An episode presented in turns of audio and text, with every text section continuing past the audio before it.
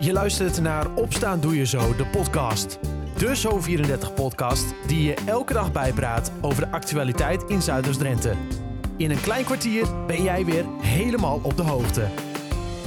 Het is dinsdag 5 oktober 2021. Dit is Opstaan Doe Je Zo, de podcast aflevering 47. De dag begint vandaag met zon, maar later in de middag komen er wolken met buien opzetten. De maximumtemperatuur komt vandaag op 18 graden. Zometeen praat ik met Marleen Herbers van de dorpsbelangen in Nieuw-Schonebeek. Gisteren was burgemeester Erik van Oosterhout namelijk op bezoek in het dorp. Marleen vertelt zometeen wat een belangrijk onderwerp was om aan te kaarten. Eerst is het de dag van de leraar. En collega Dylan is op bezoek geweest bij een soort van lerares, maar ook weer helemaal niet. Manda Boon is namelijk locatiemanager voor Petje Af in Koevoorden. Een stichting die je een zondagschool zou kunnen noemen, maar dat is het juist niet. Ze legt het zelf uit. Nee, het is uh, absoluut geen zonderschool. Petje Af is een uh, stichting die eigenlijk uh, voor kinderen tussen de 10 en 14 jaar die nieuwsgierig zijn. En dan gaan ze kennis maken met beroepen. En ze gaan hun eigen talenten zo ook leren kennen. En ja, dat hebben we net gestart in Koevoorde. En dat allemaal op de zondag. En afgelopen weekend was de opening. Hoe ging het? Ja, het ging hartstikke goed. Het, uh, het was uh, een fantastische opening. We hadden Mad Science. Dat is een, uh, ja, was een gekke professor. Die deed allemaal bijzondere trucjes. En um, we hadden heel veel ja, leuke gasten. Zoals verschillende stichtingen.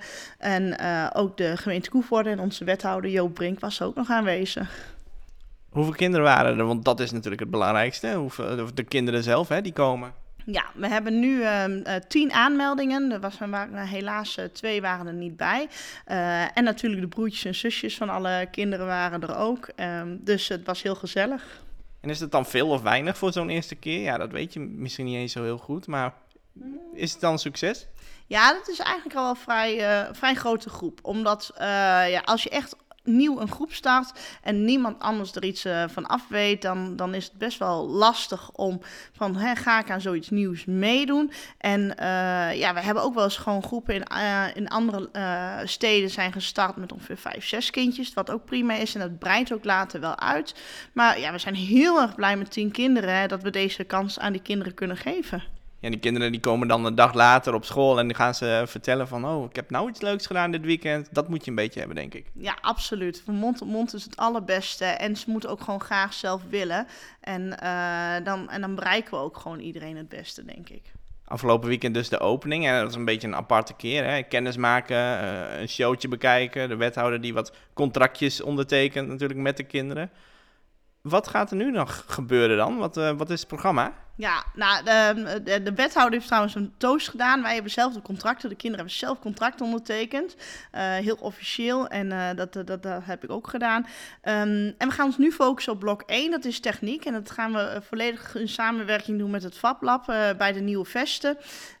wij, het is een soort laboratorium hè? bij de middelbare school. Waar 3D-printers staan en ja. allerlei machines waar kinderen aan kunnen sleutelen of mee kunnen werken. Ja, het is een, inderdaad een soort laboratorium, alles op techniek, ook met het uh, Steam-gelden en ook met, door de ondernemers uit Koevoorde zijn ze, uh, is dit gemaakt. Um, dus ze hebben ook, uh, ja, gaan ze 3D printen en ze gaan ook lezen, bijvoorbeeld een eigen naambordje op hun, op hun kamer gaan ze dat doen. En dan um, gaan ze dat ook nog presenteren weer aan de ouders op de derde zondag.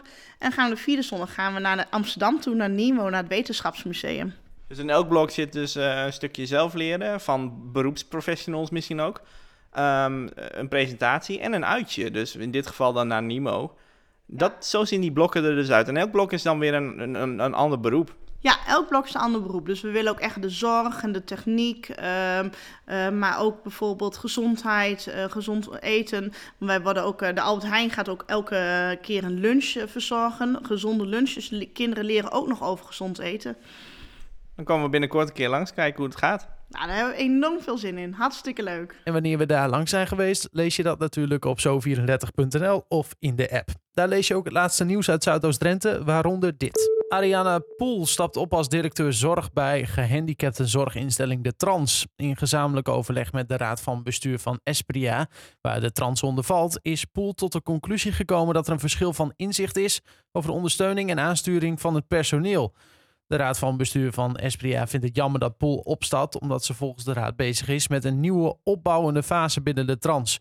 De zorginstelling heeft meerdere vestigingen in onder andere Emmen. Bij een botsing op de N34 bij Erm zijn vier auto's betrokken geweest bij een ongeval. Dat gebeurde rond 5 uur gistermiddag. Volgens agenten is er één gewonde naar het ziekenhuis gebracht. Daarnaast raakte ook iemand licht gewond. Waarschijnlijk gaat het om een kop-staartbotsing bij een invoegstrook richting Emmen. Een van de betrokken auto's belandde in de greppel naast de weg. Vanwege het ongeluk waren tijdelijk twee rijbanen afgesloten. Daardoor ontstond er een file tussen Koevoorden en Emmen-West. De gemeente Emmen heeft de inloopavonden over Diftar deze week en volgende week verplaatst naar november, omdat te weinig mensen zich ervoor hebben aangemeld. Tijdens deze avonden zou de mogelijkheid geboden worden om vragen te stellen over het nieuwe systeem voor afvalinzameling, dat vanaf 1 januari ingevoerd gaat worden. De nieuwe avonden worden georganiseerd in Angerslo, Nieuw-Weeringen en Nieuw-Amsterdam. Vanaf 11 oktober kunnen inwoners zich aanmelden voor een van deze inloopavonden.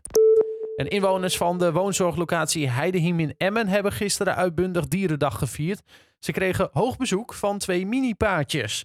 Ze konden de dieren aaien, knuffelen of zelfs een stukje meelopen. En dat zorgde voor een veel glimlachen op de gezichten bij de senioren. Tot zover het laatste nieuws uit de regio. Meer nieuws is er altijd te vinden in de app of op zo34.nl. En we houden je natuurlijk ook op de hoogte via onze sociale media kanalen. Erik van Oosterhout gaat regelmatig op werkbezoeken in dorpen van de gemeente Emmen. Gisteren was Nieuw Schonebeek aan de beurt.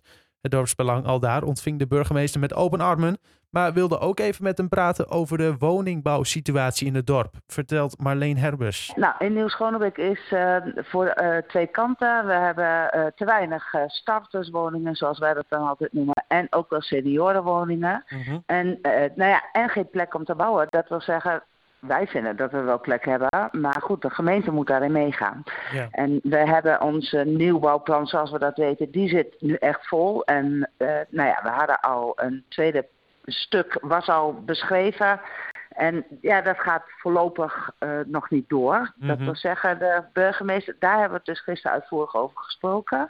En wij hebben ook een aantal jongeren uitgenodigd. We hadden al eerder geïnventariseerd naar uh, wie in Nieuw-Schoonbeek wilde blijven wonen. Ja. Om nou ja, de druk ook een beetje noodzakelijk te maken. Kijk, we willen niet per se drammerig overkomen. Mm -hmm. Maar we willen wel de echte noodzaak aangeven. En in Nieuw-Schoonbeek is wel een, een, ja, dat is wel een dorp waar mensen graag willen blijven wonen. Als ze hier zijn opgegroeid, dan, uh, nou ja, dan is het prettig om te blijven wonen. En, Bepaalde uh, liefde voor het dorp, zeg maar.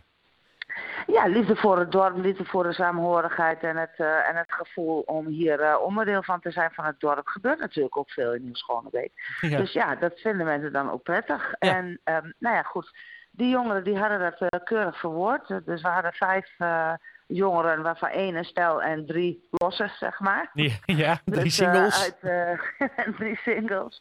En die, uh, nou ja, die konden we mooi verwoorden waarom ze dan uh, hier toch graag wilden blijven wonen. En dat daar, ja, we hebben daarvoor hulp van de gemeente nodig. Mm -hmm. En we hebben ook echt wel een beetje nadrukkelijk gevraagd of daar ook wel een beetje vaart achter kan zitten. Ja, Want, wat viel er uh, op in de speeches dan van die jongeren? Wat is iets wat je zegt van, oh, dat is mij ook wel een beetje bijgebleven, had ik niet verwacht?